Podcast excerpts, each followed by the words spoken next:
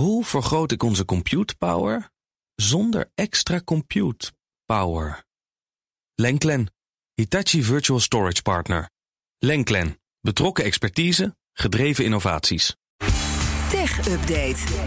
Ja, dan gaan we naar onze eigen Mats Akkerman. Goedemorgen, Mats. Goedemorgen, Bas. De Hoge Raad komt vandaag met een belangrijke uitspraak over de inzet van data van versleutelde telefoons. Die PGP-telefoons. Ja, die Pretty Good Privacy telefoons. ik had er nog nooit van gehoord, van Pretty Good Privacy. Maar dat was helemaal niet zo Pretty Good, die privacy. Ja, niet goed genoeg in ieder geval.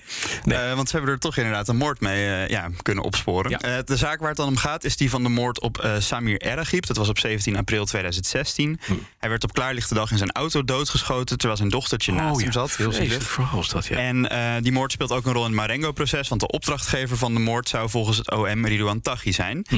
Nou, de twee uitvoerders van de moord die zijn in hoger beroep al veroordeeld tot 22 jaar cel. Maar één van hen die ging daartegen in cassatie. En die cassatie die draait dus om de rechtmatigheid van het gebruik van bewijs. van zogenoemde Enet-com-data van die versleutelde PGP-telefoons. Mhm. Nou, telefoons populair onder criminelen.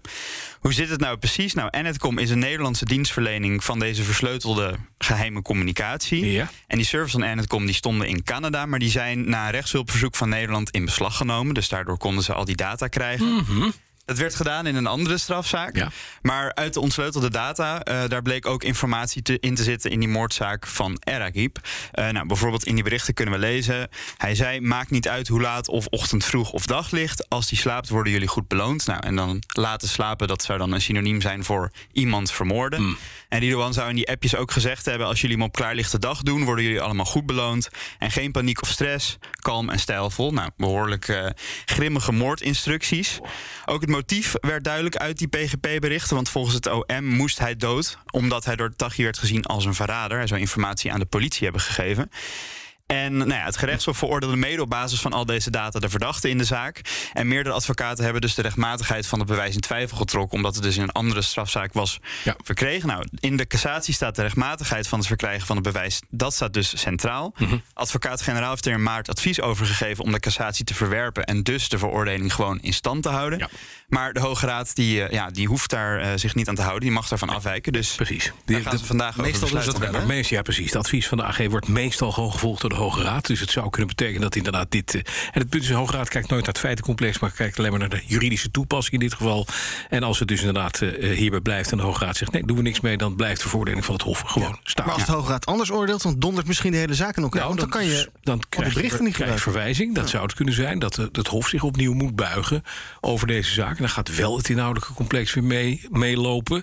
eh, met in de achtneming van de, cassatie, eh, van de cassatiezaak bij de Hoge Raad. Nou, dan gaan we het hele verhaal weer door. En dan zullen waarschijnlijk advocaten weer heel erg gaan nadenken van hoe gaan we nou de uitspraak van de Hoge Raad, hè, die cassatiezaak, eh, eh, in, dit, in de eh, reguliere zaak invoeren. Maar Maar zijn die berichten dan weg uit de zaak? Nee, niet, dat Nee, niet per se. Nee, niet per se. Nee, je kan het opnieuw als bewijs invoeren. Alleen dan is de vraag van in hoeverre is het rechtmatig verkregen. Dat zal dan worden gekeken. Het, dat bewijs zal zeker. Hè, die data zal wel weer een rol gaan spelen. Maar dan is de vraag hoe gaan de advocaten dan aantonen dat dit toch rechtmatig verkregen is buiten de cassatiezaak om. Maar Dus het zou zomaar nog wel weer even kunnen duren. kan even maar duren. in ieder geval vandaag een belangrijke uitspraak Zeker. daarover. En eh, nou, op basis daarvan gaan we zien wat er daarna gaat gebeuren. ja. Dan Elon Musk, want die heeft 100 miljoen volgers op Twitter. Op Twitter, ja. Een mooie mijlpaal. ja, we, we Als kennen... hij van allemaal een euro krijgt, dan is het een hele overname geslaagd. Ja, ik denk niet dat hij dat dan weer nodig heeft. Want volgens mij heeft hij qua centjes heeft hij het allemaal wel op orde.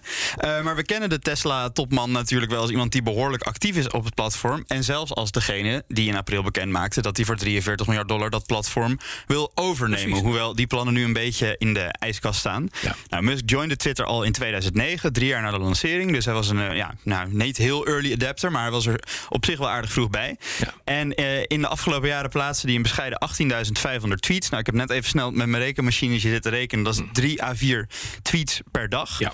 En nu heeft hij daarmee dus 100 miljoen volgers Oh, ik bereikt. zeg 100 miljoen maar een eurotje. Nee, dat is nog lang niet natuurlijk. Nee. Ik moet ook mijn rekenmachientje maar eens even pakken. Precies. Of een bierfilter. Eh, maar goed, dat zou betekenen dat 43% van alle Twitter-gebruikers hem nu volgt. Hm. Eh, maar dat is als je ervan uitgaat dat er niet zoveel nep-accounts zijn. En dat is dan weer precies hetgene wat Musk zelf in twijfel zegt. Ja. Want Want nou, dat verhaal kennen we. Twitter zegt 5% van de gebruikers zijn waarschijnlijk bots. Maar Musk denkt dat het er veel meer zijn. En daarom staat die hele overname dus een beetje in de ijskast. Mhm. En ook wel opvallend is dan dat Musk ook niks meer heeft getweet sinds 22 juni. Nou, dat is pas een week. Dus de- voor normale mensen, voor mij is dat eh, vrij gangbaar. Ik tweet eh, eens in de Maar, drie als je maanden er of zo. vijf per dag doet, dan is ja, het weinig. precies. Voor Musk Ja. is dat behoorlijk lang. Eh, en het is onduidelijk of die Twitter-stilte dan te maken heeft met dat gedoe rond die overname. Dat weten we niet.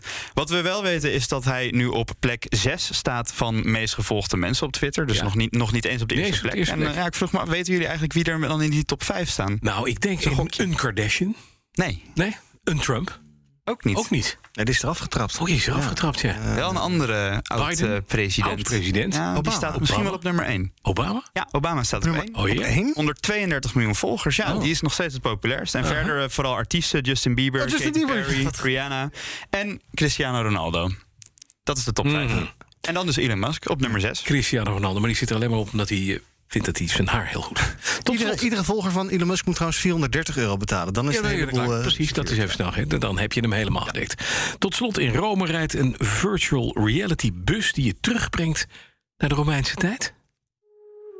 Ja, je zou het kunnen zien als een soort eh, tijdmachine. Het bedrijf Invisible Cities heeft een bus gemaakt waarmee in virtual reality door het oude Rome rijdt. Nou, hoe doen ze dat? Ze hebben allemaal OLED-schermen voor de ramen van die eh, bus opgehangen. En daarop zie je een 3D-versie van het Rome van 2000 jaar terug.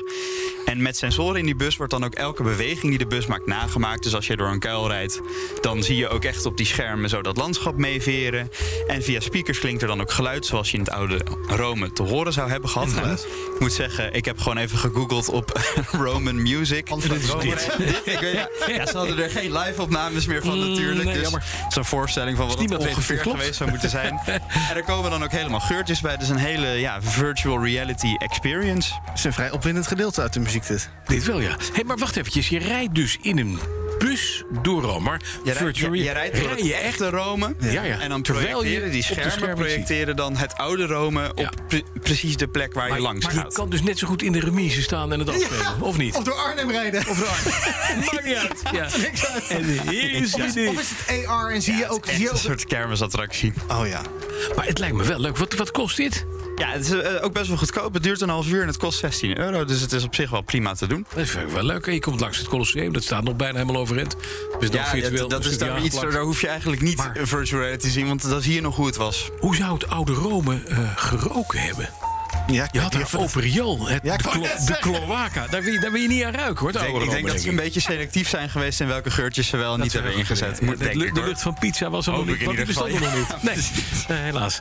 Of een paar spaghetti bolognese. Hmm. Dankjewel, Mats Akkerman. Ik vind het mooi.